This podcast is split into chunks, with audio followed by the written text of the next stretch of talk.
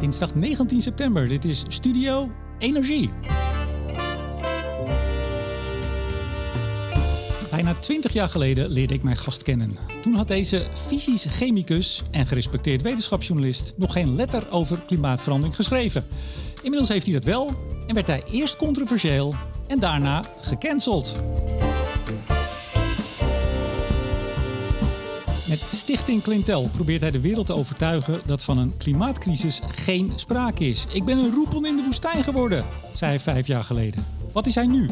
En waarom aanvaardt hij de consensus niet? Ik vraag het aan Marcel Krok.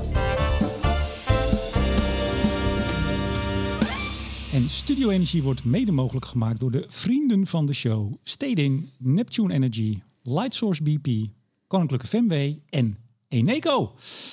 Marcel Krok, hartelijk welkom. Ja, dankjewel. Leuk dat je hier op bezoek bent. Ja, en waar is hier? Hier is uh, een kantoorgebouw uh, in uh, Amsterdam, nabij het metrostation Isolatorweg. Ja, de home of Clintel. Ja, zeker. Hier zit vanaf de oprichting eigenlijk.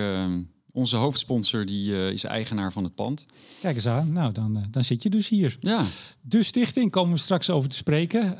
we tutoyeren elkaar. Ik zei het al in de intro. Meer dan, nou, ongeveer 20 jaar kennen we elkaar. Voordat jij ooit iets over klimaat had geschreven. Ja. Toen ging je dat doen.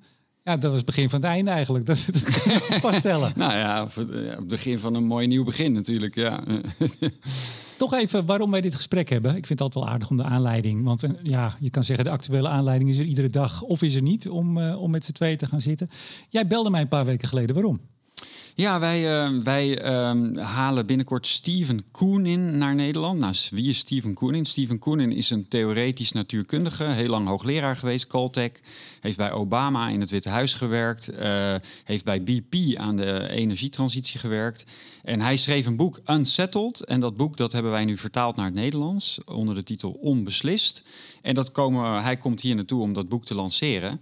Maar wij organiseren ook een ik denk, heel interessant symposium uh, met hem over de energietransitie. Jij denkt, ja. Uh, en uh, Koenin spreekt daar en ook Theo Wolter spreekt, gaat daar een heel interessant verhaal houden over ehm, kernenergie. Met name hoe je kernenergie inpast in het hele systeem, in het hele elektriciteitssysteem. En de Duitse journalist Alexander Wendt. Die komt over de Duitse energiewende spreken. Tot zover de promo. Ja. Maar wat vroeg je nou aan mij? Nou, ik vroeg aan jou of jij dat, uh, dat wilde voorzitten. Want jij uh, hebt een heel goed uh, bereik naar onze doelgroep voor dat symposium. Ja, en toen zei ik, nou, ik kan niet. Ik zei, maar als ik wel had gekund, dan had ik het ook niet gedaan. Ja, ja. Be beetje jammer. Nou, en toen zei ik daarna, ik zei, nou, misschien is het interessant om met meneer Koenin te gaan zitten. ik zei, ik ga even checken. Ik ga, en toen ben ik hem gaan checken en ik ben het boek gaan checken. En toen dacht ik, ja, hij, hij zit voor de mainstream zit hij ook in de sceptische hoek, de ontkennershoek. Uh, hij zegt dus de science is niet settled, hè, unsettled. Het is niet beslist. Toen dacht ik, ja, als ik met hem ga zitten, heb ik je ook verteld. Ik heb je een dag later opgebeld. Ik zei, ja, ik, ik, ik ben van het, van het energiedebat en de energietransitie in Nederland ken ik op mijn duimpje. Daar kan ik alle onzin meteen uh, uh, debunken. Maar bij klimaat kan ik dat helemaal niet. Dus dan wordt het een soort promopraatje voor het boek. Want ik kan geen weerwoord bieden aan die meneer. Die inderdaad een cv heeft waar je u tegen zegt. Toen zei ik, misschien moeten wij toch eens een keer gaan zitten. Daar heb ik wel eens meer mee gespeeld. Met die gedachte. Want ik heb jou ook een beetje gecanceld. Oh. De afgelopen jaren. Ja. Maar dat weet je wel. Ja, een beetje wel. Hè? Ja. ja en ik heb... Eerst mocht ik nog op je borrel komen en ja. toen, toen niet meer. En dat heb ik je toen ook gezegd. Uh, er kwam een keer iemand naar me toe, uh, de borrels in Luden. En die zei, uh, dat was voor corona volgens mij nog. Die zei, weet je, wel, weet je wel wie dat is? En die wees naar jou. Ik zeg, dat is Marcel Krok. Ja, die is hier. Echt zo van, hè, what the fuck? En ik heb daar verder niet zo heel veel gedoe mee gehad. Helemaal niet eigenlijk. Maar ook voor mij begon je op een gegeven moment ja, te controversieel te worden. En ik vond, ik heb dat altijd van mezelf aan de ene kant heel zwak gevonden ook weer. En ik dacht, waarom, waarom ben ik ben dus ook beïnvloedbaar hierop? Ik zeg altijd dat iedereen welkom is bij Studio Energie. Ik heb Extinction Rebellion gehad, ik heb Ben van Beurden gehad van Shell. En met jou had ik altijd zoiets van ja. Toen dacht ik, we moeten het gewoon doen, Marcel. Hier ja, zitten we. Uh, uh, maar wat gaf destijds dan de doorslag dat, dat, dat, dat ik zeg maar voor jou de controversieel werd? Nou, weet je, ik heb in voorbereiding op dit gesprek heb ik ook weer eens, uh, nou ja, ik wil bijna zeggen 20 jaar Marcel Krok uh, doorgenomen. Dat is uh, wat veel. Maar als je ziet hoe jij op een gegeven moment eh, ja, mensen nemen je niet meer serieus in het klimaatdebat. Die zeggen, ja, die onzin van Krok hebben we al genoeg gehoord. Niet relevant. En dat is nog het mildste, niet relevant. Het ergste is, hij vertraagt. Nou ja, er zijn wat, wat kwalificaties langsgekomen. Ik hoorde jou bij, uh, het was volgens mij begin 2000, bij Robert Jensen. Ja, daar ga je dan ook zitten. Ja, dat vind ik ook een type zei je dat in het Europees Parlement. Waar, waar, was jij nou van beschuldigd? Jij en de jouwen? Oh, uh, future mass genocide of zo. Hè? Dus de toekomstige Ma massamoord, zeg maar. Ja. ja. Door een, een, een, een Britse Europarlementariër. Ja, en dat was op een gegeven moment, en dat is het misschien nog wel, uh, het, het omveld, zoals we dat zo mooi zeggen, waarin alles plaatsvindt. Ja. En toen merkte ik dus, en dat, ja, dat zeg ik maar ook dat is wel raar, want je zegt net dat je Koenen niet wil spreken omdat je het eigenlijk niet kan beoordelen. Maar je zegt nu dat je mij toch ook controversieel gaat verklaren, omdat je dus. Maar dan laat je je dus heel erg leiden door wat andere mensen zeggen. Ik zei net, ik heb jou controversieel verklaard. Oh, oké. dus in, impliciet door op een gegeven moment te zeggen, ja, dat, ja, weet je. Nee, ik, ik, je hoort me al brabbelen nu. Ik vind het heel lastig. En vooral ook omdat ik jou dus ken, voordat je over klimaat geschreven hebt. En we woonden bij elkaar in de buurt op een gegeven moment. Dronken wel eens een, een bakje koffie. Ja, dus het is ook mijn eigen ongemak over dit soort situaties. Mm -hmm. En ik dacht, we gaan gewoon zitten. Nou. Dus daar gaan we het over hebben. Ja, leuk. ik weet het niet. Altijd welkom. Misschien wordt het wel een heel, heel slecht gesprek. Maar het is in ieder geval een gesprek, ja. Want ja, ik, en je mag mij ook alles vragen. Inderdaad, wat je net al deed. Um, ik, vind het, ik vind het een hele lastige. Ik, laat ik zo zeggen, ik vind het mooi ook alweer dat ik bij mezelf heb vastgesteld. Het is dus niet zwart-wit. Het is niet dat je zegt, nou ja, ik vind het een leuke gast en altijd welkom en alles is altijd prima. En ik, ik, laat, ik trek me niets aan van wat er verder buiten gebeurt met deze persoon.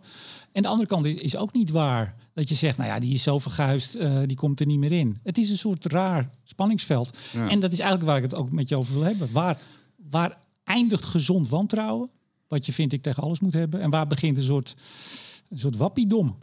Dat, dat is voor mij wel altijd de vraag. Ja, nou, ik denk dat iedereen daarmee worstelt. Ja, nou, dat is mijn worsteling. Ik ook. Ik bedoel, we hebben dat allemaal. Ja. Uh, ik had hier nog wat woorden staan, dat vind ik ook eigenlijk weer flauw. Wat je allemaal genoemd bent in de afgelopen jaar. Je hebt er wel eens eentje met enige trots aangehaald. Oh. Super bad guy. De super bad guy, ja, dat was de Volkskrant, hè? Ja, maar jij zei het in de Volkskrant zelf. Of hebben ze hem jou... Nee, dat hebben ze, nee, dat hebben zij bedacht.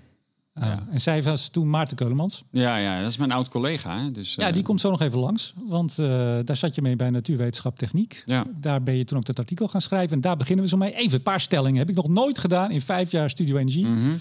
Even. Klimaat verandert. Ja. Ja. Temperatuur op aarde stijgt. Ja. De mens heeft... Is, is gestegen. Is ges okay. Stijgt het. Okay. Suggereert dat het zeker is dat het doorgaat, maar is gestegen. Het is niet zeker dat het doorstijgt. Nee. Nou, nu schakelt dus de helft uit. ja, die denken, nou, laat maar zitten dit gesprek. Oh. Um, de mens heeft onder meer door het verbranden van fossiele brandstof daar grote invloed op. Uh, invloed op? We moeten aan klimaatbeleid doen. Uh, ja.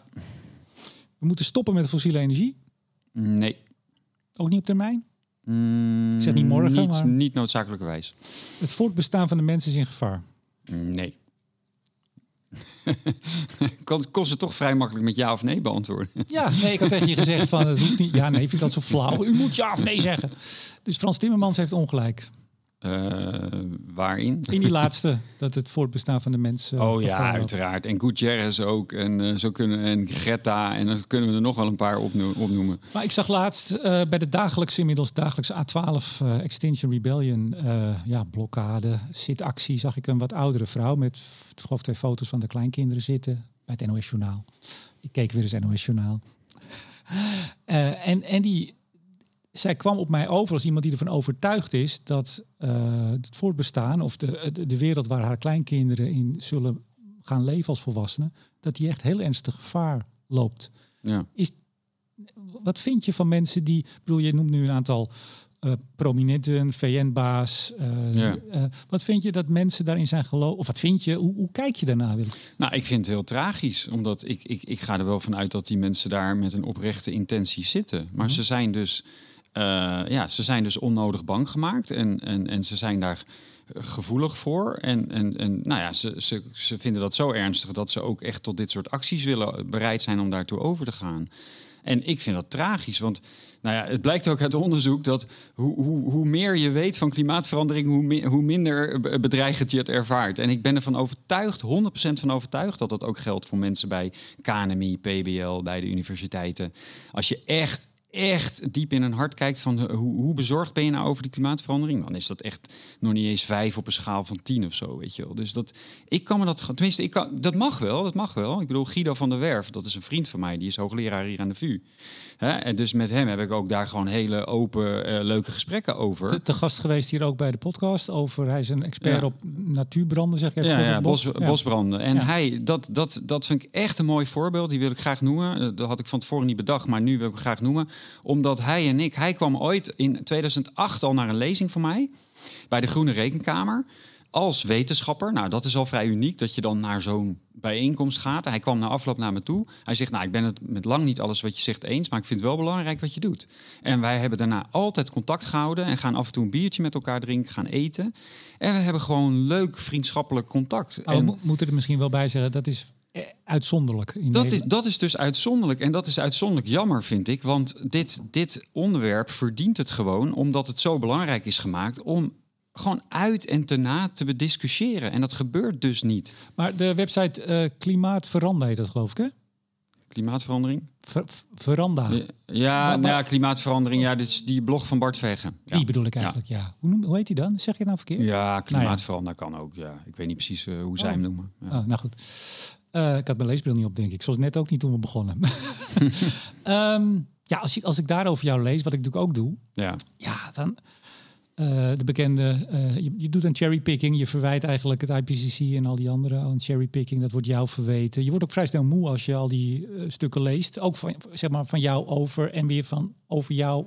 Ja. Het gaat heel erg in detail. En wat ik, wat ik dus jammer vind aan die... Kijk, Bart Verheggen, eh, ik heb zelfs met hem samengewerkt in het, eh, in het project Climate Dialogue.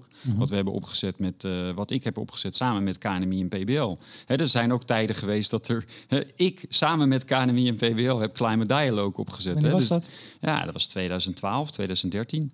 Was dat, toen nog onder Rutte 1? Eh, ja, Atsma? Ja, Atsma. Atsma, die, eh, daar had ik eh, best redelijk contact mee. Die heeft mij na een keer naar het ministerie gehaald. En die, die zei, nou, we moeten nog eens verder praten. En toen had ik dit plan voor Climate Dialogue. En via hem heb ik dat eigenlijk toen kunnen realiseren. Samen met KNMI, PBL. Ik vind het nog steeds een van de mooiste persberichten aller tijden voor mijn carrière. Er was het persbericht was iets van KNMI, PBL en Marcel Krok lanceren Climate Dialogue.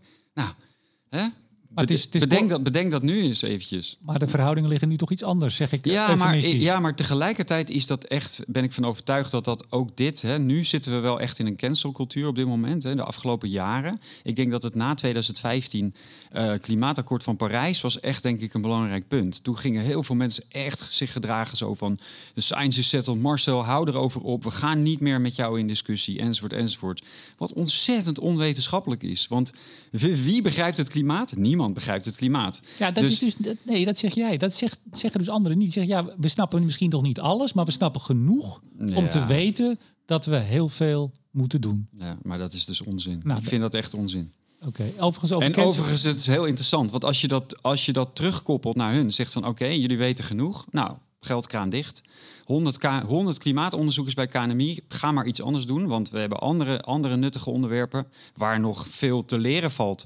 Volgens jullie is de science settled, dus klaar. Nou, en dan zeggen ze opeens, nee, maar wacht even op allerlei punten en facetten en eh, dit en dat. En Maar- dan moeten we allemaal eh, nog, dan moeten we opeens wel weer verder onderzoek doen. Maar Marcel, is dit, is dit nou niet iets wat jou ook verweten wordt? Want eigenlijk probeerde ik te zeggen, en anders zal ik het nu nog even beter zeggen, dat eh, de science is settled wat betreft ehm, dat de aarde zoveel graden opwarmt. Dat is zelfs vrij nauwkeurig wordt dat aangegeven. Niet dat alles bekend is daarover. Maar het wil toch niet zeggen dat als je zegt, nou dat weten we in ieder geval, we moeten nog heel veel ander onderzoek doen, dat jij dan zegt, ja maar dan hoef je dat ook niet meer te doen, want dan weet je het toch allemaal. Nee, maar dat, zeggen, maar dat zeggen ze toch niet, dat ze alles weten? Nee, maar zelfs die hoofdkwestie die jij nu aanhaalt, hè, van we weten dat, eh, dat we over de anderhalve graden of dat we over de twee graden heen gaan. Hè, dus dat het, dat het echt, dat het CO2 de thermostaatknop is van het klimaat. Want daar is het hele beleid op gebaseerd. Maar dat is dus de consensus en daar ben jij niet mee eens. Nee, daar ben ik het absoluut niet mee eens. Zo beginnen waar het begon. ja, is goed. nou ja, dat was ben 2000, benieuwd. ja, 2005. Jij zat op de redactie van Natuurwetenschap Techniek. Ja, Eh, ik heb je daar ook leren kennen, want jouw hoofdredacteur was vriend van mij. Ja. Erwin van der Brink. Die van ken de, ik weer. van de ingenieur waar ik eerst zat. Precies, als het eerst bij de ingenieur. Daar heb ik hem ook leren kennen. Nou, dat voert allemaal te ver.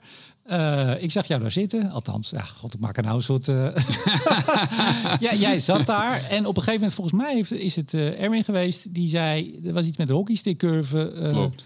Krok, ga jij er eens naar kijken? Ja. Jij werd op het pad gezet Ja. door de hoofdredacteur. Ja. Vertel eerst even, wat was die... Er zijn veel mensen die zeggen, ja, dat weten we wel. Maar heel veel mensen weten niet wat de hockeystickcurve is. Die hockeystick was een, eh, een, een grafiek die eh, de temperatuur op, eh, op aarde laat zien in de laatste duizend jaar. En die grafiek die loopt dus vrij vlak van het jaar 1000 tot het jaar 1900, suggererend dat het klimaat vrij stabiel was. En vanaf 1900 gaat die stijl omhoog. Die grafiek heeft de vorm van een ijshockeystick en daarom wordt die hockeystickgrafiek eh, genoemd. En er was inderdaad in die tijd Karel Knip in NRC schreef erover. En er was, eh, er was wat controverse over. En toen zei Erwin inderdaad, Marcel, duik jij er eens in. Nou, dat is toen echt een beetje uit de hand gelopen. Ik ben daar toen twee maanden fulltime mee bezig geweest. Kom- Mooi, dat- mooi dat dat kon. ja, kom daar maar eens, kom daar maar eens mee. Want na drie weken zei ik van ja, ja, ja, ik, ik ben er nog niet en ik heb meer tijd nodig. En die kreeg ik dus ook. Hè. Op reis ervoor geweest. Eh, ik ben in Duitsland geweest, eh, niet naar Canada, want mijn belangrijkste bronnen zaten dus uiteindelijk in Canada. Dat waren die McIntyre en McKittrick. En uiteindelijk had ik van hun, had ik van hun kritiek op de hockeystick eigenlijk de, de wereldprimeur. Ja. En eh, wij hebben dat verhaal ook vertaald naar het Engels. Het is in Canadese financiële dagblad eh, verschenen. En daardoor was het niet alleen nationaal, maar ook internationaal meteen een, eh, nou, wel een opzienbarend artikel. Waar ik in Nederland ook de glazen review voor, voor kreeg. Toen net in het leven geroepen, geloof ik. Ja, is de eerste keer. En het was best bijzonder. Wim T. Schippers die reikte hem uit. En eh, de Volkskrant was daar, want hun kandidaat Michael Persson die zou hem gaan winnen. Ze waren daar met bloemen en weet ik wat allemaal. En toen mijn naam werd omgeroepen als winnaar, riep Martijn van Kalmthout boe en schande en weet ik wat allemaal. Dus dat was alweer leuk. De, to- de toon was al wel weer een beetje gezet. Ja, maar was Dus- het dan om de inhoud of dat ze jou gewoon niet zo leuk vonden? Nou ja, hij, hij had ook best wel een zuur stukje in de Volkskrant geschreven over mijn hockeystick-artikel. En dat was wel interessant, want kijk, ik had toen twee maanden onderzoek gedaan. En dat zal jij ook hebben nu met je boek bijvoorbeeld, waar je, waar je aan werkt. Als je heel lang onderzoek doet, dan kan je op een gegeven moment op de stoel van de scheidsrechter gaan zitten. Je zegt van ja, die zegt dat, die zegt dat. Nou, kom op, eh, die heeft gewoon aanzienlijk meer gelijk dan die. Op een gegeven moment kan je echt een oordeel geven. Nou, en dat deed ik dus ook in dat artikel. Ik zei, nou ja, McIntyre en McKittrick hebben gewoon terechte kritiek op de Ja, hockeystick. even, dat was het artikel, of althans het onderzoek eh, van onder andere meneer Mann, Michael Mann Ja, en anderen. ja. Voor de jongere eh, luisteraars, niet Michael Mann die Miami Vice heeft geregisseerd en de, de bekende regisseur. Nee, ja, nee.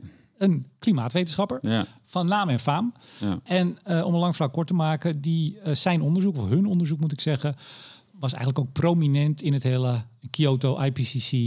Eh, dat werd eigenlijk de basis, zeg ik dat goed? Eh, het, die, die hockeystickgrafiek is heel prominent door IPCC in het derde rapport in 2001 eh, gebracht. Hij stond er maar liefst zes of zeven keer in.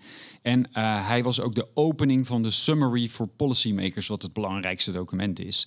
Dus het IPCC zelf pushte echt die grafiek zo van kijk zelf maar. Je kan het in één oogopslag zien. Stabiel klimaat, fossiele brandstoffen, boom, we gaan omhoog. Ik, ik heb de.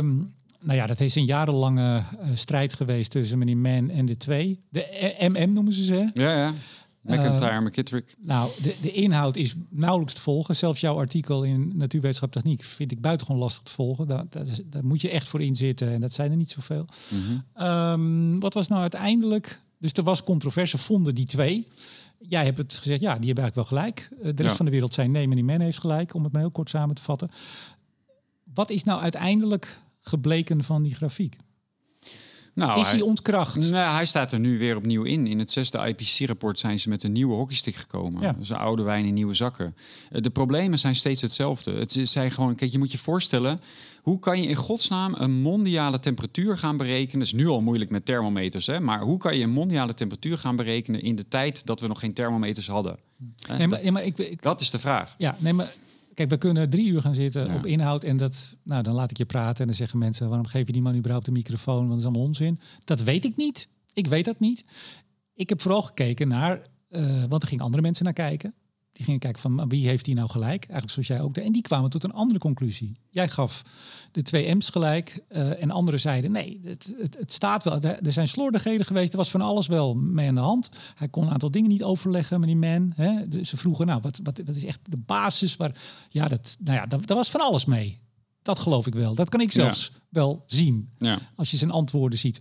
Maar dat wil niet zeggen dat daar de boel geflasht is en dat het allemaal niet klopt. En, want wat was jouw titel ook alweer? Klimaat verandert door foute statistiek. Het bewijs dat de mens de aarde opwarmt staat weer op losse schroeven of staat weer op losse schroeven. Dat Staat op losse schroeven. Ja, ja, het is zo lang, ge- ja, het staat, het is zo Nee. lang geleden. Nee, maar dus En- dat, dat, er, ehm, dat er van alles misschien aan de hand was, wil natuurlijk niet zeggen dat het niet klopt.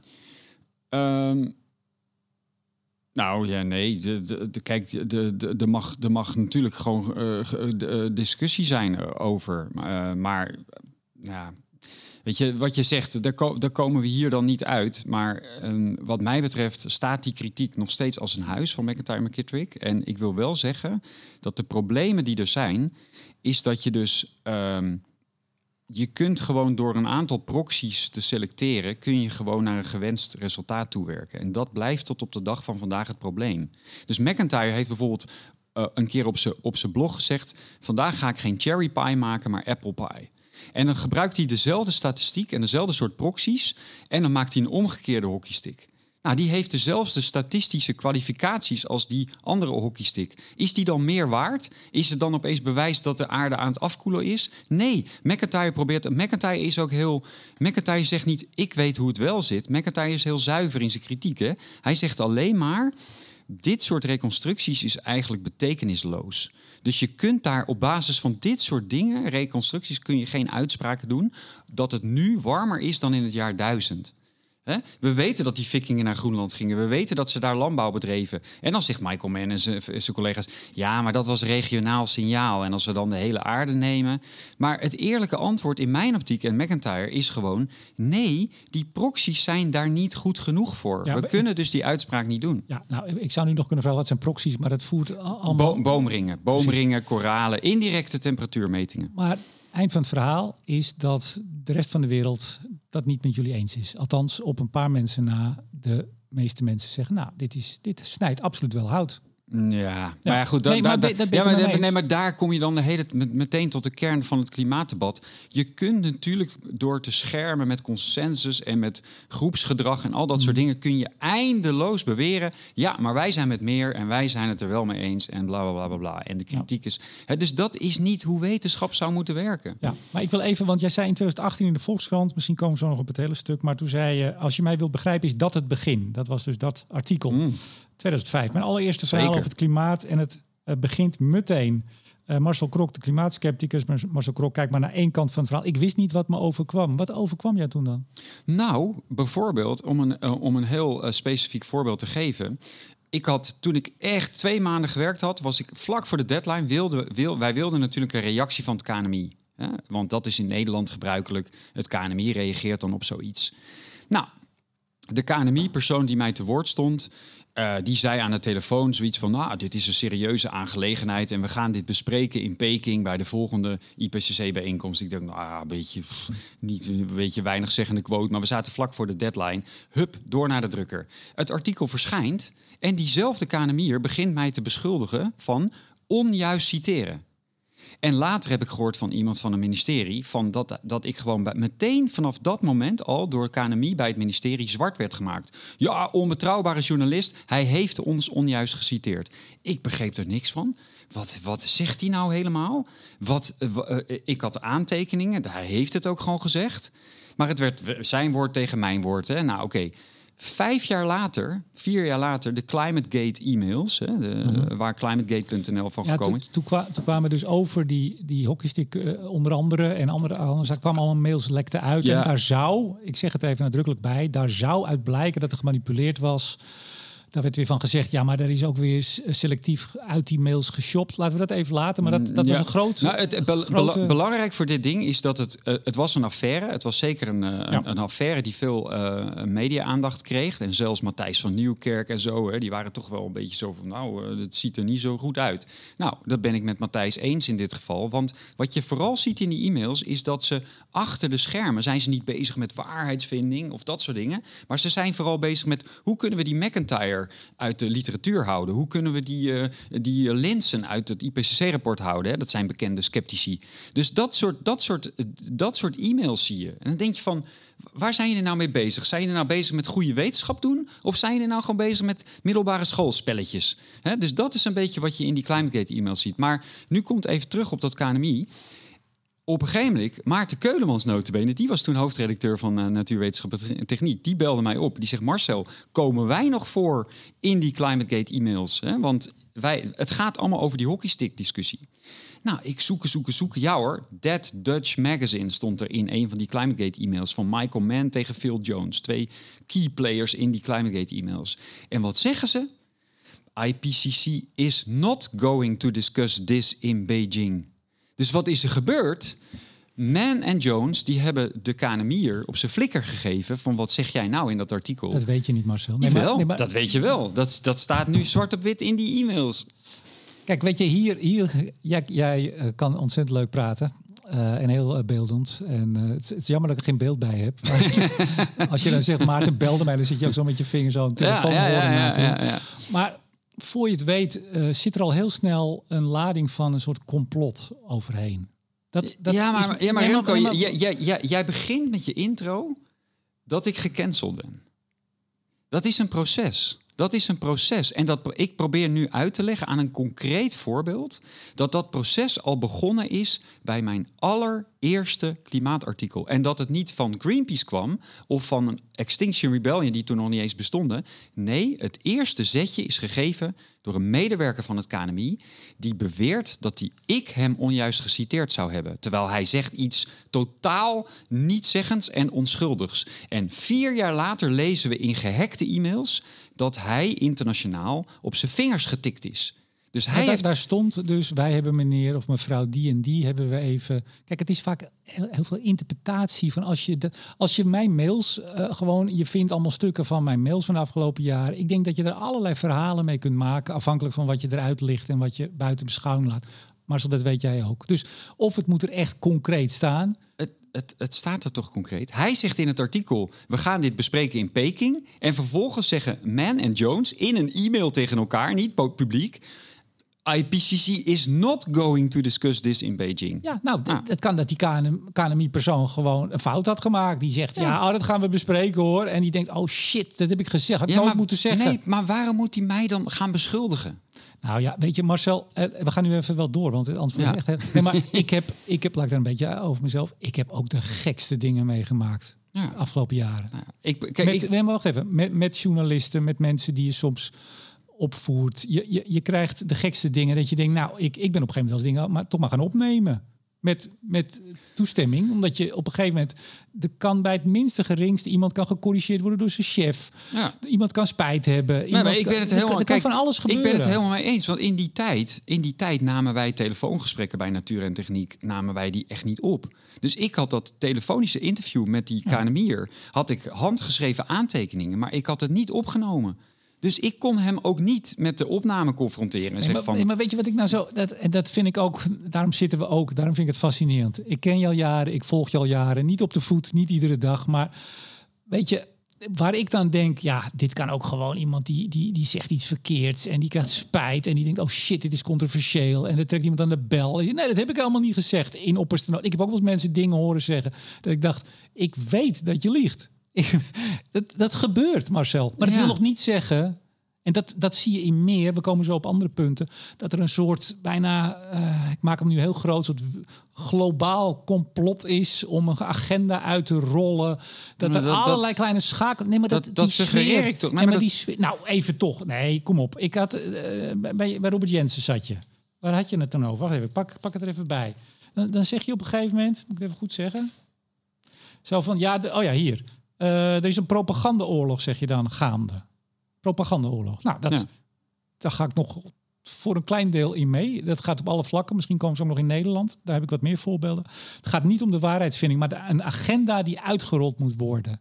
Ja. Zeg je daar. Nou, dat zei ik net ongeveer. Dus je zei net van hoezo, dat, maar dat heb je toen wel gezegd. Dus bij zo'n Robert Jensen bijvoorbeeld, dat was nog net voor corona ja, er zijn gewoon mensen en er zijn clubjes en er zijn hele volkstammen uh, die overal al heel snel iets zien van een World Economic Forum de, en de elite en een agenda die erachter zit. Dus ik, ik, ik misquote je toch niet? Dat, dat zei je drie jaar geleden ook. Ja, maar we moeten denk ik terug naar uh, gewoon naar, de, naar het IPCC en de, en de rol die zij spelen. En, en, en hè, de gefundeerde kritiek die ik ook in mijn boek heb geuit op het IPCC. Kijk, dat je, dat je in een gesprek, jij, jij weet dat ook, dat je in een gesprek met Robert Jensen of met hè, die, die zitten die hebben hele andere interesses. Dus je, je, je, krijgt gewoon heel ander type vragen. Ik krijg sowieso heel vaak de vraag van waar komt dit nu vandaan? Want ik ben het wel met mensen als Jens of andere mensen eens dat ik kan niet begrijpen vanuit de wetenschap, de klimaatwetenschap, waarom klimaat zo groot is geworden op de internationale politieke agenda. Wetenschappelijk gezien zie ik daar onvoldoende aanleiding voor. Dus dan is de vraag, als dat zo is, dan moeten er dus andere redenen zijn. Nou, die kunnen van geopolitieke aard zijn, die kunnen van financiële aard zijn. Maar ik zie onvoldoende reden in de klimaatwetenschap. Want eerste tien jaar heb ik gewoon alleen maar in die klimaatwetenschap gezeten. Mm Zat ik alleen maar in discussie met KNMI. Totdat de KNMI op een gegeven moment ook helemaal niet... Die willen helemaal niet meer in discussie natuurlijk. Dus nou, dan denk je op een gegeven moment... Oké, er is dus geen debat. In 2010, toen mijn boek uitkwam, zei ik al in de Volkskrant... er is geen klimaatdebat in Nederland. en dat is nog steeds zo. We, we, gaan naar het boek, maar ik wil er nog één ding wel op zeggen. Nogmaals, ik ken vooral het energiedebat in Nederland... Um, Kijk, op een gegeven moment, en dat zijn inderdaad hele fascinerende uh, processen. En daar ben ik ook uh, niet uit. En daar moet je alle andere disciplines bij halen. Uh, psychologen, ja. antropologen. Ja. hoe werkt de mensheid? Hoe komt de mensheid verder? Hoe, hoe ontwikkelt zich ja, de, de, de mensheid? En hoe gaat het in bepaalde culturen? en we hebben het hier natuurlijk vooral over de westerse cultuur, toch? Vooral. Ja. Uh, ja, en dan zie je soms uh, dat op een gegeven moment uh, inderdaad men besluit dat, of het nou de science settled is of het punt is gemaakt, dit besluiten we. En vervolgens wordt alles zo neergezet zodat dat lukt. Dat klinkt er niet helemaal goed wat ik nu zeg, maar je begrijpt. Ja, ik, begrijp, dus, ik begrijp wat dus je bedoelt. maar, dat, maar, dat, wacht even. En ik, heb, ik heb me er ook soms in het energiedebat in Nederland. Nou ja, goed. Je zei het al, ik ben met een boek bezig. Je komt de gekste dingen tegen. Aan de andere kant, ik probeer altijd te denken, als ik denk dat is een mafkees, denk ja, maar waarom vind ik dat nou eigenlijk? En is het wel een mafkees? Ben ik niet de mafkees? Dat is misschien een uh, notoire twijfel, kont die ik dan ook ben. Maar ik probeer altijd ook te denken, ja, maar ik zie het niet of ik vind het niet, maar misschien heeft die ander wel gelijk. Dat, dat probeer ik in ieder geval een tijd vol te houden om het te verplaatsen. En als je, dan, als je het dan hebt over hoe ontwikkelt de mens zich, ja, dan zie je dat ook al als het vroeger kleine stammen waren of nu een hele wereldgemeenschap, op een gegeven moment uh, kiezen we ergens voor, zou je bijna kunnen zeggen. Hè? Jij hebt het over waarheidsvinding, mhm. dat het daar niet over gaat. Dat zou kunnen. Ik zeg niet dat het niet zo is, maar dat zou kunnen. Want op een gegeven moment is, jongens, dit gaan we doen. Punt. Ja. En dan gaan we er maar dan verlaat, je, dan verlaat je dus het terrein van de wetenschappen. En dat is dus het probleem. Als ik nu dus de klimaatwetenschappers zie die nu mee gaan doen met Extinction Rebellion en die zeggen ja, zus en zo. dat zijn dus geen wetenschappers meer. Je hebt een paar jaar geleden mij ook voor de voeten geworpen. Van, ja, Marcel, je bent nu actief, activist geworden. He, dus... Ik heb gezegd dat jij geen journalist meer bent. Ja, ja, dat dus, vind ik nog steeds. Nou ja, oké, weet je, maar wat is een journalist en wat is een wetenschapper? En, he, dus die, die, die discussie is dus heel interessant. Maar in mijn optiek verlaten dus heel veel mensen die zich klimaatwetenschapper noemen, die zijn dat dus feitelijk niet meer. Want die zijn klimaatactivist geworden. Ja, en, en dat is wel heel jammer, want ik, ik ben het meest, ook in mijn boek, het meest geïnteresseerd geweest in die waarheidsvinding, in die vraag van hoe, hoe goed snappen we nou dat klimaatsysteem? Ja, en nog steeds, dat, dat, is waar mijn, dat is waar mijn voornaamste interesse ligt. Alleen daar mag niet meer over gepraat worden. Tenminste, niet in het publieke debat. Dat vindt men niet meer interessant. Nou, nee, is gepasseerd station. Nou, dat ja. Dat zeggen ze. Ja, men vindt niet interessant. Mag wel. Je wordt niet verboden. Ja, nee, maar dat is dus wel... Hoewel, hoewel ik werd benaderd, misschien wel via jou, ergens in oktober... of ik met jou op een podium... Oh, of bij, in, bij Holland Gold. In gesprek of in dialoog, want niemand wilde, bleek. Gewoon ja. dat al 15 mensen hadden geprobeerd. Ja, klopt. Ja. Ze hebben heel Nederland geprobeerd. Ja. Het KNMI die uh, had het te druk met de KNMI-scenario's. Die konden daardoor de hele maand oktober niemand afvaardigen. Ik kon ook niet. Nee, ik, sta, nee, ja. nee, kan echt niet. Maar, Gek, hè? Nee, maar weet je, dus... Um, maar je, kijk, en naar de andere kant is, uh, er zijn inderdaad ook binnen Extinction een aantal echt ook klimaatwetenschappers. Ik heb Ernst-Jan Kuiper twee keer hier uh, in de podcast gehad van Extinction. Mm Uh, die is, heeft echt klimaatonderzoek ook gedaan. Ik dacht in Utrecht. Kijk, als je op een gegeven moment als wetenschapper uh, iets vindt wat jij zo alarmerend vindt, dat dat inderdaad het voortbestaan van de mens bedreigt. Mm -hmm. um, dan kan je zeggen, nou ja, je bent wetenschapper, dus nou ja, laat dat lekker en ga lekker door met je wetenschap. Ik bedoel, ik snap best wel ja dat je op een gegeven moment zegt, ja, maar ik maak me zoveel zorgen. Ik vind, nou ja, dat is natuurlijk, dat hebben meer ja, wetenschappers. Maar dan zou je ook, dan zou je ook principieel moeten zijn en dan zou je je baan moeten opzeggen. Dan zou je, zou je moeten zeggen van, nou, ik ga dan nu bij Greenpeace werken of ik, ik zoek een baan bij Extinction Rebellion als ze genoeg geld hebben daarvoor. maar het is niet, ik vind ik niet consequent om dan te zeggen, ik blijf uh, genieten van mijn door de overheid betaalde baan aan de universiteit en tegelijkertijd ga ik daar de activist uithangen. Maar, maar er zijn toch ook, er zijn toch ook aan de andere kant mensen die helemaal niet in het klimaat zitten of misschien meer op jouw lijn zitten, die ook gewoon blijven werken aan. Ik bedoel, een soort totale waardevrije wetenschap waarin je geen enkele opvatting hebt verder over over uh, de gevolgen van wat je onderzoekt, dat is toch bijna ook niet meer te vinden. Nee, zeker. Dat, dat, dat, dat, dat, dat is waar, daar heb je een punt. Maar ja, je, iedere wetenschapper moet voor zichzelf uitmaken tot, tot hoe ver hij daarin wil gaan. Maar ik vind het. Ja, ik, ik vind gewoon dat, uh, dat de wetenschap uh, te ver, de klimaatwetenschap althans, veel te ver afgedwaald is van de kerntaak. Ik gooi nu een boek op tafel. Ja. Een eh, vuistdik boek. Nou, nee, niet vuistdik. Een, een lijvig werk. De staat van het klimaat. 2010. Jij hebt na het artikel... Je had uh, wat geld gekregen voor de prijs. Uh, je hebt nog van, geloof het Stimuleringsfonds Journalistiek nog wat geld. Um, en je bent je helemaal, naar aanleiding van de, de hockeystick curve, het hockeystick curve artikel, ben je er helemaal op gaan storten. Ik, ik, uh, ik voelde dus toen zeer met je mee. Ik heb dat ook een keer gedaan toen met het schaliegasboek. Eén keer het helemaal uitzoeken. Ja. en echt tot het gaatje gaan. Nou, dat is 300 zoveel pagina's geworden. Um, Salomon Kronenberg, uh, een page-turner die je onthutst achterlaat. Volgens mij heb je het uitgereikt aan... Uh, Diederik Samson. Ja, die nam het in ontvangst ook. Ja. Dat kon toen nog. Ja. Nee ja. hoor, maar, maar Diederik Samson had ik in die tijd ook al. We hadden we verschillende meningen, hadden we, hadden we, had ik best wel goed contact. Ja. Um, nou, dat, uh, je, je, bedankt je vrouw en de kinderen erin. Uh, je hebt zelfs een gesigneerd exemplaar, zie ik. Ik, ik heb zelfs een gesigneerd exemplaar, ja. Heel goed. Ja, uh, op naar het volgende boek staat er. is er nog een volgend boek gekomen? nou, dat is nog steeds in de wording. Jij, jij, weet geloof ik persoonlijk nu ook hoe moeizaam het is om hè, tussen alle andere werkzaamheden door... Zeker, maar jij, ja. jij, jij hebt je toen daar helemaal opgestort. En wat ik er ook even bij moet zeggen, en dat is toch wel leuk dat wij elkaar een beetje kennen... Uh, er zijn wel eens uh, uh, insinuaties gedaan dat je allemaal geld zou krijgen. En dat is natuurlijk, zelfs ik heb die insinuatie wel gehad. Hè. Zodra je niet exact zegt, en dat, dat, dat, die emotie deel ik met jou. Zolang je niet exact zegt wat die grote meerderheid zegt, dan ben je fout, dan zal je wel betaald worden, ben je lobbyist, et cetera. Jij hebt altijd buitengewoon sober, nou, ja. zou zeggen arm, geleefd. Ja, ja, jij betaalde meestal de lunch. ja, die jongen moet toch eten. Nee, maar dus dat hele. Dus, dus, en dat, nou ja, we begonnen met mijn wat gestamel over dat ik het toch ook moeilijk vond en vind hoe jou zo te zien werken. En uh, ja, het steeds moeilijker te krijgen. Want je, je kwam niet meer aan de bak op een gegeven moment als, als wetenschapsjournalist. Kranten weigerde je. Ja, weet je, dat vond ik ook zo triest. Uh, ik werd een keer geïnterviewd door, uh, ik werd geïnterviewd door Intermediair, door een collega van mij, ook een wetenschapsjournalist. En die vroeg na het eind van het gesprek van na, na het boek, hè, wat ga je nu doen? Ik zeg, nou ja, wat ga je nu doen? Ik blijf gewoon schrijven over klimaat. Als ik iets voor Intermediair kan doen.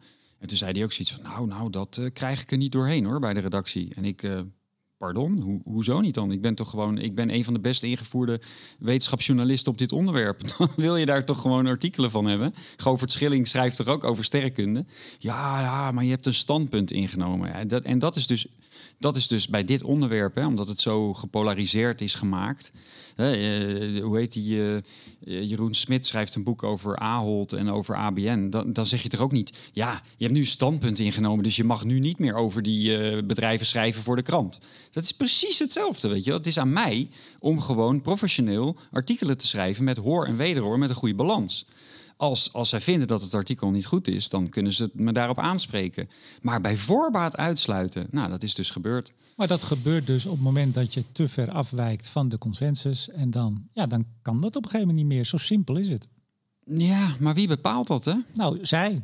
Ja, maar goed, dat is dus wel fascinerend. Dat vind ik dus wel een heel fascinerend uh, proces. Dat we dus nu in een, uh, in een vrije westerse democratie, waar we het allemaal zo hoog over opgeven En dat we dus heel makkelijk eigenlijk taboes creëren. Maar weet je, Marcel, ik heb uh, ik praat met iedereen. Uh, ik wil niet altijd zeggen voor de podcast of in de podcast, maar zeker daarbuiten. Ik vind het ook altijd interessant om mensen te ontmoeten die echt iets totaal anders vinden dan wij allen of ik zelf. Ik zoek graag mensen om me heen, al, al is het maar voor een keertje. Ik ben een keer half Nederland doorgereden om met iemand te spreken die toch echt de perpetuum mobile nu echt had uitgevonden. Mm dat vind ik fascinerend. Daar stop ik een dag in. Uh, had een accountant bij hem nog. En uh, dit ging het helemaal worden.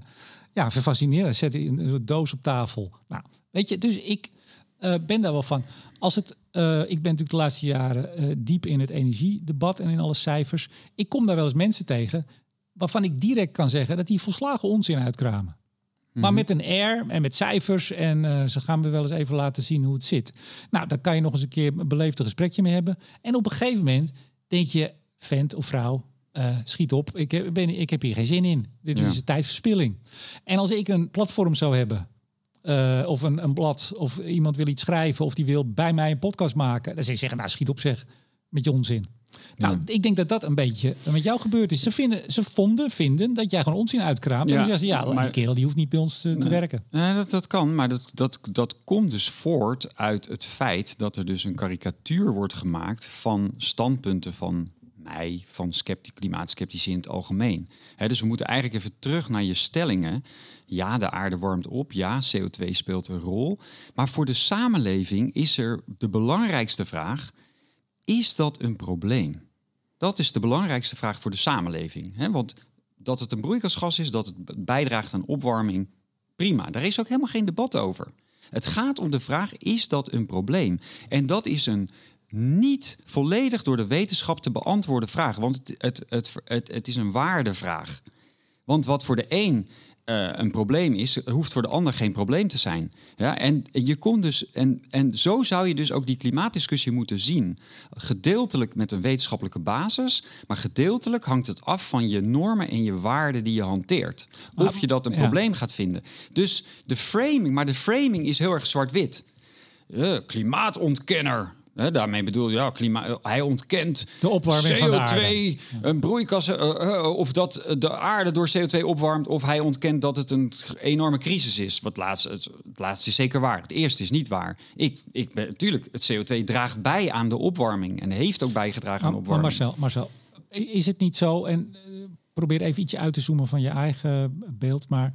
We, we, begonnen het in 2005, we zitten nu in 2010 met het boek, 2011 ongeveer. Ehm, is, zijn de klimaatskeptici daar ook niet in opgeschoven? Dus het begon eigenlijk, ik zeg het zwart-wit, met het ontkennen van het probleem. Uh, ja, tuurlijk, CO2, dat weten we. Ja, het klimaat verandert al zo lang als ik, uh, ik weet niet wat. Uh, uh, uiteindelijk zit jij ook volgens mij nu meer op het beleid wat erop gevoerd wordt, wat je onverstandig of zelfs uh, idioot vindt. Dus in die zin is er wel volgens mij, ja, maar dat is de vraag, ben jij opgeschoven? Nee, maar dat, la dat laatste komt voort uit dus de, het feit dat over die andere onderwerpen gewoon niet meer gesproken mag worden. Hè? De, dus er is gewoon geen ruimte voor in het publieke debat op dit moment. En dus heb je het er niet meer over? Nou ja, wat heeft dat voor zin? Ik bedoel, we hebben het, je roepen in de woestijn heb je ook al een keer. Het heeft, het heeft op zich niet zoveel zin. We, we, we hebben allemaal maar zoveel uur in een dag. Uh, ik kan de hele dag. Uh, we, hebben, we hebben hier nu een heel mooi boek geschreven over het laatste IPCC-rapport. Het is volledig genegeerd. Je door... houdt het twee keer op, maar niemand ziet het. Nee, maar, ik, ik... maar het, is, uh, het, is, het is volledig genegeerd door, door de media. Nou, daar hebben we heel erg veel tijd in gestoken. En dus de vraag is op een gegeven moment natuurlijk, als stichting ook, van ja, wat heeft zin? Wat heeft zin? Waar, wat heeft zin om je tijd in te steken? Maar volgens mij hebben wij een keer een kopje koffie of iets anders gedronken jaren geleden, al zo rondom het energieakkoord. 2013 zal het geweest zijn, dus al tien jaar geleden. En toen zei jij ook tegen mij van ja, eh, dat hele klimaatdebat, uh, dat loopt dood voor mij. Hè? Ik bedoel, ik, ik kom nergens meer aan de bak, niemand luistert. Uh, jij wilde meer naar energie opschuiven bijvoorbeeld. Nou ja, kijk, ieder jaar, ieder jaar uh, maak je natuurlijk, voor, net zoals jij dat ook doet, ieder, maak je, ieder jaar maak je de balans op van oké, ik ben nu weer een jaar klimaat aan het doen. Uh, heeft dat zin? Heeft het, uh, kan ik ervan leven? weet je, op die manier. Zo moet je ook dat gesprek zien. Hmm. Maar telkens gebeurden er toch wel weer dingen dat ik dacht van ja, nee, ik ga gewoon door. Ik ga gewoon door. Ik ga ja, maar gewoon door. dat wat je hebt liggen, de Frozen Climate Views of the IPCC, dat is dus al, dat heb je vijf jaar gemaakt nadat je zei, ik ben een roepel in de woestijn geworden. Dus inderdaad, het, ja, je blijft maar roepen dus.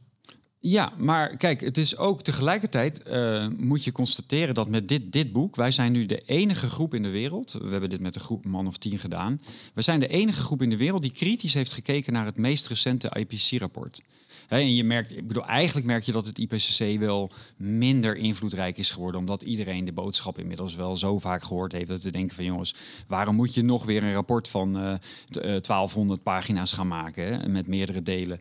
Dus, maar tegelijkertijd, zij zijn de Bijbel of hè, zij zijn de basis voor het beleid.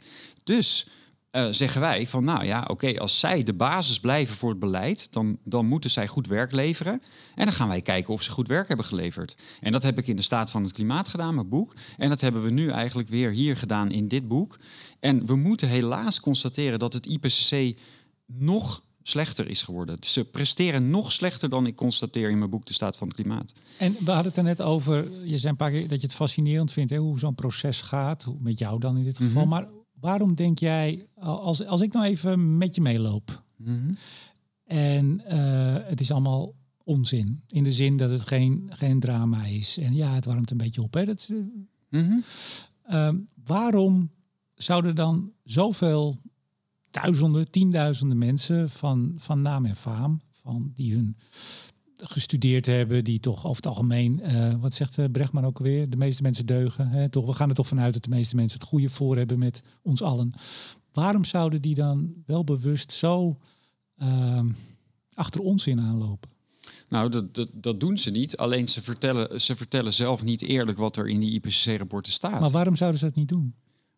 Dat moet je aan hun vragen. Nee, maar daar heb je toch na, na bijna twintig jaar. Nou ja, uh, ik kan, ik kan me niet aan de indruk onttrekken dat zij. Kijk, het, er is. Er is een cancelcultuur hè, die ertoe leidt dat, dat, dat ik moeilijk een podium krijg. Maar er is ook enorme sociale druk binnen die klimaatwetenschap. Dus uh, Peter Kuipers-Munneke, de weerman, die uh, ook klimaatwetenschapper is, die doet onderzoek naar gletsjers op Groenland, weet ik veel, die metingen, interessant. Als daar iets een beetje afwijkends uitkomt, dan kan hij daarover publiceren en ook over praten. Kan hij zeggen, nou, dat is wel heel interessant, hè, want ik heb nu iets gezien. De, mijn, gletsjer, is nu aan het groeien. Hey, dat hadden we niet verwacht. We hadden verwacht dat die gletsjer ging, uh, ging terugtrekken. Hè? Zoiets mag hij zeggen. Maar hij mag niet de overkoepelende paradigma, het overkoepelende paradigma, dat mag hij nooit aanvallen. Het is dus zijn wie, ook... wie, wacht even, toch, wie zegt dat? Dat, dat? dat denk jij? Nee, zo, nee, ik probeer jou nu te beschrijven hoe het werkt. Want jij komt zelf ook met die duizenden wetenschappers. Ze, Dus dat is het punt. Je mag, zeg maar, je, je moet blijven ondersteunen de aarde warmt op, het komt door de mens, we moeten er iets aan doen. Het is rampzalig, zeg maar. Hè? De, rampzalig, we moeten er iets aan doen. Maar, die dingen, die, die dingen, die moet je ondersteunen als klimaatwetenschapper. Als je dat niet doet, dan krijg je het label op je, zoals de, internationaal de klimaatskeptici krijgen. Dan ben je klimaatskepticus of je climate change denier. En ja. toekomstige massamoordenaar. Ja, dat is dan. Nee, maar, maar iemand die faciliteert. Nee, maar dat is natuurlijk wel het punt. Ik weet zeker dat er mensen zijn die het verschrikkelijk vinden dat jij überhaupt hier bij mij nu zit omdat ik nu podium geef aan iemand die ervoor kan zorgen dat er straks mensen doodgaan. Zo, zo bazaal is het wel. Ja, maar weet je dat, dat, dat, dat, dat geloof, geloof jij dat? En dan ga je. Uh, nou, ik geloof niet. Nee, ja, kijk, nou, ik wil toch uh, door, want we hebben nog een paar dingen te bespreken. Uh, naar de invloed daarvan. Hè? Want je kunt natuurlijk inderdaad zeggen, en dat heb ik ook heel vaak gezegd. En ik vind het. Nou, ik ben er niet altijd helemaal nog uit. als nou iedereen het eens is, laat Marcel Krok dan, ik kijk even om me heen, in dit, in dit kantoortje lekker onzin uitkramen. Toch? Ja. Want wat... Ja, wat, wat, wat, wat, ja, wat, bedoel, wat doet het dan? Climate Declaration? 100% consensus krijg je nog niet eens in Noord-Korea. Dus ik bedoel, waar, waar hij, hebben we het over? Hij heeft geen te makken en hij zit hier lekker boos te zijn. Ik maak even een beeld. Ja. over hoe die gecanceld is en niemand luistert. Punt. Maar zo werkt het dus niet. Want jij bent een gevaar, vinden sommige mensen. Dus, ja, en, maar ook, en ook dat komt voort uit een raar begrip van, hè, de, van, van, dit, van hoe dit soort dingen werken. Want het suggereert dus dat er een soort van 100% um, uh, consensus nodig zou, zou moeten zijn voor, voor beleid. Daar pleit ik ook helemaal niet voor. Hè, ik, bedoel, ik bedoel, kijk, be my guest. Als de, als de meerderheid van de samenleving zegt we willen dit gewoon hoe dan ook doen. We willen met zon en wind willen we de energievoorziening gaan doen. En, want we willen het klimaat redden. Ja, dat zeggen we. Ja, nou ja, dat, en als daar een meerderheid voor is die dat op die manier. Maar tegelijkertijd moeten wel alle geluiden in de media en in de politiek enzovoorts moeten wel welkom zijn. Dat is vrijheid van meningsuiting en dat is de vrije democratie. Ja, maar je hoeft. Kijk, en dat de- gebeurt dus niet. En waarom? Waarom, waarom willen zij mij de mond snoeren? Nou, dat is de vraag. Nou ja, kijk, wa- wat ik net al even zelf, maar dan val ik in herhaling, als voorbeeld gaf. Als ik de media zou zijn en ik weet, ik vind dat iemand totaal onzin uitkraamt omdat ik de feiten ken, dan heb ik helemaal geen, ik zal hem niet verbieden, maar ik ga hem ook niet binnen mijn platform halen. Denk je, man, je kletst onzin. Daar heb ik helemaal geen zin in. Natuurlijk, je, Dus dat is ook weer een kwestie van aan waar besteed je Ja. tijd aan. Nee, maar het is ook niet de plicht. Maar om, dat is- het is dat- geen plicht om iedereen de het woord te laten. Dat is de framing. En jij gaat ook mee in de framing. Kijk, want, want hè, eh, Sigrid Kaag heeft het altijd over klimaatrampen. Maar er is nog nooit een journalist die aan haar gevraagd heeft... Beste Sigrid, leg dat nou eens uit in een paar minuten... wat je daar nou precies mee bedoelt. Ik vind zelf En, toch. En, oh. en dat is ook nu in dit gesprek een beetje het probleem aan het worden. Dat, eh, kijk, het IPCC bijvoorbeeld zegt zelf in hun rapport... er is geen trend in orkanen, er is geen trend in overstromingen. Over, orkanen en overstromingen bepalen 90% van de schade die we hebben door extreem weer. Ja? En ze erkennen, er is geen trend in die twee. Wat er in de toekomst gaat gebeuren, dat weet niemand. Dat kan, dat kan in de toekomst veranderen. Kan er wel een trend zijn. Kan er een toename wel zijn in de toekomst. Dat, wie weet. Ja? Maar alleen al dit simpele feit hoor je nooit van een IPCC'er... en je hoort het nooit van een KNMI'er... en je hoort het nooit van een Nederlandse klimaatwetenschapper. En dat is het probleem van dit debat. Dat er dus... Hè, en dat, dan zullen, dan zal, eh, die, die mensen zullen het geweldig met elkaar eens zijn... maar ze vertellen niet het volledige verhaal. Maar, maar, maar Waarom? even, jij, zegt, eh, wat er in de toekomst gebeurt, weten we niet. Maar dat is natuurlijk de kern van... eh, nou, laten we even eh, Simon Roosendaal. Ehm, die, dat mag je ook zelf graag vertellen. In 77, ik heb het laatst nog eens even opgezocht, het krantartikel, schreef hij over een rapport wat toen gemaakt was, ik geloof van de ehm, American eh, nou ja, Science Club, eh, over de gevaren van klimaatverandering. Roosendaal is een paar jaar geleden ja, hoe zeg ik dat? Ik hoop dat ik hem eh, geen dat ik hem goed weergeef, anders hangt hij straks aan de, aan de app. Ehm, nou, bijgedraaid. In die zin, dat hij- er was heel veel onzeker, toen in de jaren 70 zeker. En hij zegt nu, die, zeker, of die onzekerheid is minder geworden. We weten meer, we weten beter. De, de marges zijn, dit zijn mijn woorden, maar zo vat ik het op. De marges zijn kleiner geworden. We kunnen beter toch nou ja, zien aankomen wat eraan komt, zal ik maar zeggen. Ja. Zeg ik het zo ongeveer goed? Nou, dat zou kunnen dat hij dat zo ziet, inderdaad. Ik heb zijn boekje Warme Aarde, Koel Hoofd ook, eh, ook gelezen. Zeker, ik ook. En- Ehm, Ja, dat is- ik, ik, ben het daar, ik ben het daar echt niet mee eens. Ik, ik vind echt dat die, die zekerheden die worden zwaar overschat. Maar los van het feit, hè, kijk, ik, kan, ik kan heel ver meegaan met IPCC. Ik kan bijvoorbeeld erkennen, alle opwarming van 1850 tot nu, hè, het IPCC zegt, alle opwarming komt door de mens, komt door de broeikasgassen. Dat zeggen zij. ja. Dat geloof ik niet. Hè, Ik denk dat er wel ruimte is voor ook voor natuurlijke factoren. Maar zelfs als ik daarin meega, dan kan ik nog steeds tot de conclusie komen dat er geen probleem is, laat staan een crisis. En dan is de vraag, hè, dus, dat, dus dan ga ik eigenlijk, ik ga gewoon, ik baseer me op exact dezelfde kennis als de klimaatwetenschapper die tegenovergestelde conclusie trekt. En dat bedoel ik met normen en waarden en hoe, het gaat dus om de interpretatie van de gegevens. Maar dus de gegevens zijn jullie niet zo over oneens? dan? Nee, daar zijn we het niet zo over oneens. Maar kijk, er zijn wel heftige debatten. Ik heb een rapport met Nick Lewis geschreven over climate sensitivity, a sensitive matter. Een dik rapport van 60 eh, bladzijden over het vijfde IPC-rapport en hoe daarin met climate sensitivity. Climate sensitivity is hoe gevoelig is dat klimaatsysteem nou voor die CO2? Nou, Nick Lewis en ik komen tot eh, de conclusie daarin van... nou, er zijn allerlei aanwijzingen dat het klimaat lang niet zo gevoelig is voor die CO2. Maar het IPCC blijft maar pushen. Nee, het is allemaal heel gevoelig, heel gevoelig. Dus er zijn allerlei belangrijke onderwerpen in die klimaatwetenschap... die nog lang niet uitgekristalliseerd zijn... Ja, maar tegelijkertijd moeten we maar met z'n allen... ja, de science is settled en al die wetenschappers zijn het erover eens. Maar- Waarover zijn ze het dan precies eens? Even, ik, ik begrijp dat eh, toen Maarten Keulemans en jij samen bij Natuurwetenschap Techniek zaten, hadden jullie, of had hij, ik weet niet wie het begonnen is, een fact-check rub- rubriek, bang. Ja, En eh, in dat eh, 2018 interview ehm, zei hij erover, bozig werden we ervan, dat gevoel van onrecht, dat de hardste onheilsschreeuwers hun zin krijgen. Patroon dat we ook zagen bij het klimaatdebat. Toen nog druk bezig de politiek te mobiliseren. Wie het hardste onheilstrompet blaast, krijgt de aandacht. Begin over lichtpuntjes of nuances lijkt verboden.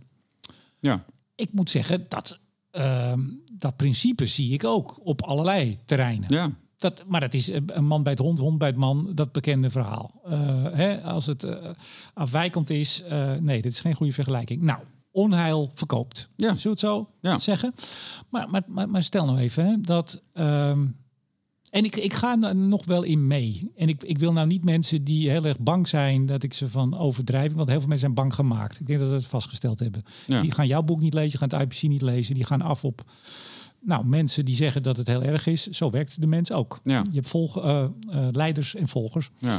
Eh, dus er zijn mensen echt bang. Ehm, Nou, en de grap is dus wel hè, dat als je nu naar bijvoorbeeld Extinction Rebellion luistert of andere clubs, die nemen steeds meer afstand van het IPCC. En dat is een hele interessante ontwikkeling. Hè, dus, dus de vraag nu wat het IPCC gaat doen. Want een Gutierrez, wat hij allemaal uitkraamt, dat is dus niet IPCC. Maar het IPCC grijpt niet in, terwijl IPCC ook Verenigde Naties is. Eh, en dat vind ik dus een fascinerende dynamiek. Dus de overdrijving naar, naar de bangmakerij. Daar wordt nooit een factcheck op gedaan. Door de media niet en ook niet door het IPCC zelf niet. Maar als er een criticus komt, zoals ik, dan volgt er meteen een factcheck. Hè, dus die moet meteen, bop, die moet meteen, Nou daar moet ik, meteen... ik denk dat dit allemaal komt uit ehm, eh, de overtuiging dat het dus verschrikkelijk wordt en dat oké, ja, er wordt overdreven, maar uit de goede, uit de naam van de goede zaak. Nou, dat, dat, dat zou kunnen. Maar, maar we weten ook, hè, een andere mooie spreekwoord is... the road to hell is paved with good intentions.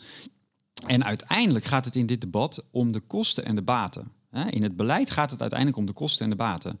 Maar de baten die haalbaar zijn, zijn afhankelijk van de vraag...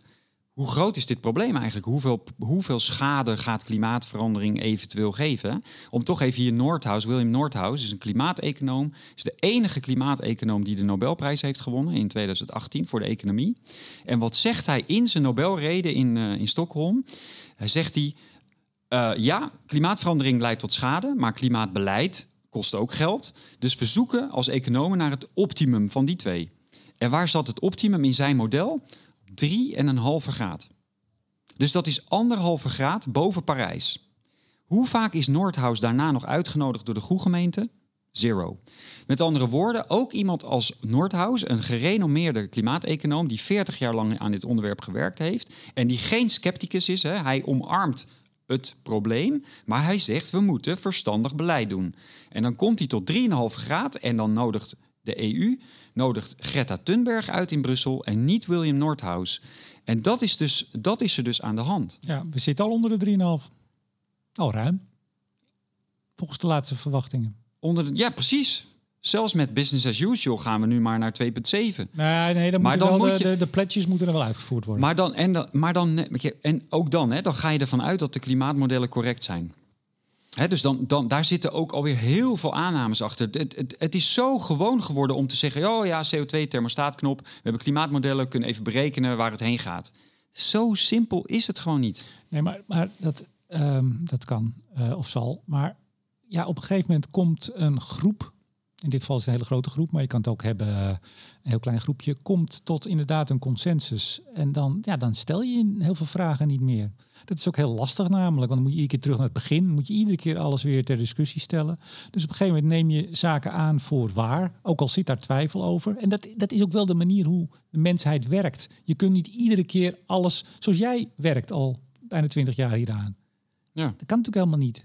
Nou ja, maar hoezo, dan kom je niet verder. hoezo niet? Nou ja, nee, maar ik- je begrijpt toch Je- wat ik je bedoel? kan- de je- groep je moet kan op toch- een gegeven moment een besluit nemen. Nee, maar je kan toch- dit gaan we doen. Ja, maar het, is, het wordt veel te zwart-wit gepresenteerd. Je kan toch gewoon adaptief beleid doen? Je, dus beide, beide, beide, beide dingen moeten gewoon blijven gebeuren. De wetenschappelijke discussie moet gevoerd blijven worden. Ja? En ondertussen heb je, ga je gewoon beleid voeren. En je zegt dit is adaptief beleid. Dus als er uit die wetenschappelijke discussie weer nieuwe inzichten komen... dan kunnen we ook het beleid eventueel weer aanpassen. Maar het wordt allemaal veel te star gepresenteerd. Er wordt gezegd, de science is settled, daar gaan we het nu echt niet meer over hebben. Eh, Discussie gesloten. En nu gaan we het alleen nog maar over het beleid hebben. En dat is eerst 2 graden, nee, het is nu anderhalve graden. En dan is er een Nobelprijswinnaar en die zegt... nou, 3,5 is veel slimmer, economisch gezien. Nee, jij bent ook eh, geëxcommuniceerd. Weet je, dus het is veel te star. Dus daar zit, en dat suggereert dat er wel degelijk een hele sturende kracht achter zit. Van een krachtige lobby van de milieubeweging, van uh, financiële partijen, ik noem maar wat. Maar het is niet te verklaren waarom het zo dictatief wordt opgelegd. Ja, maar dan komen we inderdaad in het, in het uh, wereldomspannende uh, samenwerking, zeg ik dan nog neutraal, samenzwering tussen allerlei clubs. En ik, ik denk, daar daar ga ik dus niet in mee. Ik denk wel dat partijen, krachten elkaar vinden. Op een soort natuurlijke manier. Het gebeurt op alle op alle, kijk, ik heb eh, redelijk wat in Den Haag mogen lopen de laatste jaren. Daar zie je hoe soms uh, zo'n krachtenspel tot stand komt. Niet omdat er een paar mensen zo met hun vingers van ja, we gaan eens even lekker een complot. Dingen komen bij elkaar en die versterkt het volgende en die sluit erop aan. En voor je het weet heb je een soort samenwerking, onuitge of niet georchestreerde samenwerking, maar die is er wel. Ja. En maar dat lijkt dan voor de buitenwereld. En dan vind ik, ja, ik noem dat wappie. En het is weer een belediging natuurlijk voor heel veel mensen. Maar dan kom je in het, het duistere dat er een grote samenswering is. Daar geloof ik niet in. Ik geloof wel dat op een gegeven moment gezegd wordt, jongens, dit is het, dit gaan we doen. En dan gaat iedereen ernaar staan. En inderdaad, en wil je nog uh, onderzoeksgeld hebben, als je met de tegendraadse boodschap, boodschap komt, krijg je het niet. Als jij carrière wil maken en je gaat niet mee met de consensus, dan maak je geen grote carrière. Ja. En dat, maar dat vindt op allerlei terreinen plaats. Heeft niet, niet niet specifiek aan klimaat of energie. Oh, zo nee, werkt nee. in een bedrijf werkt het ook zo. Oh nee, als jij je afkeert, daar ben ik ook volledig mee eens. Als jij je afkeert van de consensus binnen het bedrijf, dan zal jij niet de baas worden ooit. Zeker, zeker. Nee, Krijg je geen promotie. Ik, zo ik werkt heb, het. Ik heb ook totaal niet de illusie dat klimaat wat dat betreft uniek is. Het zijn gewoon, dat is de manier waarop onze maatschappij en daar heb jij inderdaad ook veel, uh, nou ja, sociologisch onderzoek zou je bijna kunnen zeggen gedaan. Van hoe werkt nou die samenleving en die interactie tussen wetenschap en politiek en milieubeweging, maatschappij. Dat is gewoon super interessant. En daar, daarom, daarom zit ik eigenlijk ook nog steeds uh, in dit onderwerp. Omdat ik het wel, die, die, die, die interactie, die dynamiek van dit debat is echt super interessant. Je leert er echt super veel van. Ik zit op een tweesprong. We zijn al over het uur, nu stoppen of toch nog één onderwerp. En dat is niet de makkelijkste, want ik pak toch nog één onderwerp. Want daar, daar zaten we net al even op. Uh, nou, laat Krok lekker lullen. Zou je kunnen denken. Want de science is settled en niemand luistert naar hem. Mensen, men is toch uh, uh, bang, zou je kunnen zeggen. Probeert in ieder geval uh, nou, mensen die niet meelopen in de consensus buitenspel te zetten. Maar misschien is dat ook wel terecht, toch. Want, zou je kunnen zeggen, denk even met me mee. Ik zag het verkiezingsprogramma van Forum voor Democratie. Vorige week geloof ik kwam het uit. Stop met alle vormen van klimaatbeleid. Uh, Parijsakkoord opzeggen. Kolencentrales heropenen. Nou, die zijn nog open, maar goed. Herstart gasboringen Groningen. Uh, stop met plaatsing van windturbines, zonneparken. Gewoon niks meer doen. Nou is Forum voor Democratie niet meer de grootste partij. Maar jij bent, en dat stond toen ook in 2018 in de Volkskrant, jij hebt daar enige connectie mee gehad toen, in die mm -hmm. tijd. Uh, toen was het de grootste partij van Nederland. Uh, nu niet meer, maar goed, wie weet wat er weer gaat gebeuren. Uh, ik kan me voorstellen dat mensen die echt als de dood zijn, dat hun kleinkinderen niet meer op aarde kunnen leven. En die zijn er, heel veel. En ik neem dat serieus als mensen die angst hebben. Die denken, ja verdomme, die krok, die heeft wel mooi, daar wordt wel toch naar geluisterd. Naar die gek. Dat, dat, snap jij dat? Uh, ik snap dat ze zo redeneren. Maar wordt er niet ook... Kijk, jij, jij maar, had toen het oor van Thierry Baudet. Nou, zeg ik netjes. Nou ja, ik moet dan eventjes uh, wat, wat, wat meer duiding geven. Kijk, uh, Thierry Baudet heeft mijn boek al in 2010, 2011 gelezen. En mij toen een keer uitgenodigd voor een lezing. Jij hebt ook wel eens een lezing bij hem gegeven. En daar kwamen mijn contacten uit voort. En uh, er, er, werd in de Volkskrant ge, ge, gesuggereerd... Ja, is klimaatvluisteraar van Baudet en dit en dat. Maar het, het initiatief... Kijk, ik, ik ben... Clintel is ook neergezet als een lobbyclub. Ik zoek niet het contact met de politiek. Mm. Hè? Als politici geïnteresseerd zijn in mijn visie, kunnen ze mij bellen. Dan geef ik antwoord. Maar ik vertel Baudet hetzelfde verhaal als ik PVV zou vertellen... of nu Pieter Omtzigt, met wie ik ook wel eens contact heb gehad... met Caroline heb ik uh, vanwege... Kijk uit wat je zegt, kijk uit wat je zegt. Stikstof ook. Die mensen moeten nog door. Ja, nou ja, eh, sterkte, sterkte. Hey, maar e- even, even kijk, uh, dat is leuk dat je dat zegt. Uh, ik ben met jou een keer, toen er nog helemaal geen politieke partij was. Jij zei, ik ga een lezing geven bij Forum voor Democratie. Ik had er nooit van gehoord. Ja. Dat was een keldertje ergens op de gracht. Ja. Wij zijn er samen naartoe gelopen, omdat we in de buurt wonen.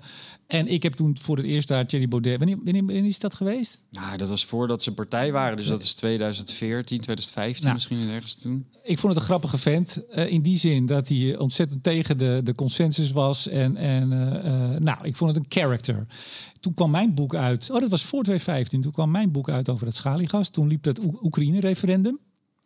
Uh, daar was hij druk mee. Um, zo heette het toch, hè? Het Oekraïne-referendum. Ja. Mhm. En toen heb ik een praatje gehouden in de Rode Hoed. Door, door Forum toen georganiseerd. En ik dacht al vrij snel, toen ik hem zo een beetje meemaakte. Ik dacht, hier, hier uh, moet ik niet bij zijn. Hier moet ik niet te veel mee te maken hebben. Uh, voert te ver om dat uh, te zeggen waarom. Ik heb ook, want hij zocht er ook wel eens contact over energie, omdat ik wel, ja, ik heb dat heel erg afgehouden. Maar jij niet. Jij ging daar wel. En ik heb ook wel eens tegen je gezegd, joh, wil je nou in die hoek belanden? Dat, ja, dat... Maar kijk, kijk, dat is het voordeel dat, je ook, dat ik ook wat langer uh, meega. Toen mijn boek uitkwam, zeiden mensen: Oh ja, dat doe je voor de PVV. Hè? Dat was toen. Hm. Oh, dat doe je allemaal voor de PVV. Hè? Met andere woorden, van het is puur politiek. Nou, nee, dat, zo ken ik je. Dat nee, nee, nee, maar, maar, maar, dat werd toen gezegd. En toen gaf ik het eerste exemplaar aan Diederik Samson. Dat was natuurlijk een, een belangrijke zet. Want Diederik was heel positief over het boek. En dat heeft toen ook wel bijgedragen aan meer neutrale ontvangst uh, in, in de media. Hè? En uh, Atsma heeft me naar het ministerie gehaald. Later heeft minister Kamp mij een keer VVD, CDA. Dus ik heb in de loop van de jaren... Zijn, met... zijn wel de, de wat klimaatskeptische partijen... Nou, de Samsung niet natuurlijk, maar... VVD, kom op, goed, die gaan toch heel ver mee. CDA Inmiddels gaat wel, ja. Nee, maar al die partijen gaan toch heel, eigenlijk uh, gewoon heel braaf in Inmiddels mijn optiek mee. Klopt. En weet je, dus ik zie dit, ik zie dit dus veel meer over de jaren. En uh, je, je, ziet allerlei interessante. Nu, nu zitten we weer vast in een bepaalde denktrand. En dan denken we van, nou, zo blijft het. En jij weet nu ook, over vijf jaar kijken we er opeens weer heel anders tegenaan. Misschien is de energiewende in Duitsland dan helemaal mislukt is de industrie uh, kapot daar, is allemaal weggelopen en weet ik veel wat. En dan, is het, uh, de, dan, dan heeft niemand het eens meer überhaupt over klimaatbeleid. Want dan is de, de redding van de, de economie of de weet ik veel wat is dan opeens het belangrijkste onderwerp. En dan denken we, jij en ik, Jezus, weet je nog, we zaten toen een uur lang alleen met te neuzelen over een hockeystick en dit en dat. Ze zo. We hebben nu wel wat anders aan ons hoofd. Weet je, dus het is allemaal zo betrekkelijk wat dat betreft. Maar, en... maar we hebben wel eens jaren geleden ook wel eens gezeten. Toen hadden we het hier ook over. Hè, van hoe, hoe groot blijft dit? Want het is, toen was het ook groot. Het is alleen maar groter geworden. Dus ik snap wat je zegt. In het Westen. In het Westen. In, een kleine, relatief kleine uh, westerse bubbel. Ga je naar Oost-Europa, is het al een non-issue. Uh, ga, je, ga je naar Azië, is het helemaal een non-issue. Nee, ga je naar Afrika, nee, nee, dan zeggen ze, huh? hebben ze nog nooit van gehoord. dat is niet waar, Marcel. Nou wel, kom aan. Het, het, is daar, het nee, maar ik, ik, heb het niet over de beleidsmakers, maar ik heb het over, ik bedoel, ik heb het niet over mensen die afgevaardigd okay. worden naar de VN. Ik heb het over gewoon mensen in de straat. Als je mensen in de straat zou vragen, dat blijkt ook uit een peiling. Een peiling van de Verenigde Naties van een paar jaar geleden. Hebben ze gevraagd van welke onderwerp vind je belangrijk? 15 onderwerpen. Klimaat eindigde als laatste. Ja, ik hoorde vanochtend, was het nou duizend jongeren? Die waren gepeild, geloof ik, veruit op één uh, klimaat. Ja, maar dat zegt iets over nu, hier, de tijdgeest op dit moment en de aandacht die het krijgt. Maar even over jouw invloed, of jullie invloed. Jij bent natuurlijk niet alleen, het is een stichting. En ik begrijp ook dat jij, dat zei je tegen me, ik ga even kijken of het waar is, kijk je even in de ogen. Steeds meer donateurs? Ja, uit de, uit de hele wereld. Ja, maar dus dan, krijg, dan, dan dus de angst van uh, mensen die vinden dat wat jij zegt uh, rabiaat uh, onzin is en dat dat invloed heeft, die hebben misschien wel een beetje gelijk. Zo'n ja, forum die. Ja, die... maar goed, dus, zo kan ik het omdraaien. Ik, ik, ik, vind het, ik vind het ik word er bang van hoeveel invloed Extinction Rebellion krijgt via de media. En uh, hoeveel invloed Milieudefensie heeft door 10 miljoen subsidie van de overheid te krijgen. En daarmee rechtszaken te voeren tegen Shell en andere bedrijven. En om, dat vind ik bang. He, de, uh, een collega van mij heeft een keer gezegd: in iedere scepticus schuilt een alarmist. He, en ik ben dan sceptisch over klimaatverandering en de, de wetenschap daarachter. Maar dus doordat ik daar zo sceptisch over ben, ben ik ook inderdaad alarmistisch geworden over andere tendensen in de samenleving, over het functioneren van wetenschap, over de verregaande invloed van de milieubeweging op de samenleving. Daar maak ik me zorgen. En ik heb ook twee opgroeiende kinderen. Hè? Dus ik, Uiteraard. Ik hou ook van wandelen in de bergen. Ik zag jouw mooie foto's in Oostenrijk. Uiteraard wil ik ook een leefbare planeet voor mijn kinderen en mijn kleinkinderen. Maar we moeten dus het gesprek willen aangaan over gaat dat via die route of die route. Is dat niet een mooi eind? Ja, ik zat te twijfelen. Moet ik het hierbij laten? Nou, ik, ik zei in de intro... Maar je wil het laatste woord nee, natuurlijk. Nee, nee, nee, nee. Oh, nee, nee, nee. zeg. Ik zei in de intro, wat is hij nu? Vijf jaar geleden zei je roepende in de woestijn. Nou, ik ben zeker geen roepende Nee, meer je, wat ben je nu? Ik ben nu ehm, een, eh, ik zou willen zeggen, een steeds invloedrijker eh, geluid. Toch weer? Toch wel. Toch weer. Dat gaat met, het gaat met, het lijkt het klimaat wel, het gaat met golfbewegingen. En Ja. dat heeft, denk ik, dat heeft allemaal, ja, dat heeft gewoon met de dynamiek van de samenleving te maken en met het eh, ontwikkelende tijdgeest. Corona heeft er ook aan bijgedragen. Sommige mensen zijn door corona kritisch geworden op de overheid, zien een parallel met klimaat en zijn nu meer geneigd om eh, naar mij te luisteren. Zo van, hé, ja, eh, j- jij had dat al gezien en, en nu zie ik het ook. Ja, zo weet je, maar ja, dat is de samenleving. Dat is een enorme. En wat dat betreft ben ik het helemaal met jou eens. Ik zie het ook niet als een grote samenswering, want daarvoor is die samenleving veel te complex. Volgens mij is dit hem, hè? Oké. Gaan we de evaluatie eh, doen als ik hem uitzet? Of wil je het nu alvast zeggen van wat van je van het gesprek vond? Eh, een beetje gemengde gevoelens heb ik erbij. Maar jij ook waarschijnlijk. Ja, dat is het beste gesprek. Marcel Krok, ja, officieel directeur van Stichting Clintel. Jawel. Hartelijk dank voor het gesprek. Mag ik nog even de website noemen? Want die ben ik vergeten aan het begin. Geen, want denk je dat ze je niet gaan vinden? Nou, dat denk ik wel. Want die website die is ourenergytransition.eu. Ach, hemel. Ik doe hem nog een keer. Marcel Krok, directeur van Stichting Clintel. Hartelijk dank voor het gesprek. Graag gedaan. En uiteraard bedank ik ook jullie, beste luisteraars. En in het bijzonder alle vrienden van de show. Stay in, Neptune Energy, Lightsource BP, Koninklijke FMW en Eneco. Mijn naam is Remco de Boer. Graag tot volgende week.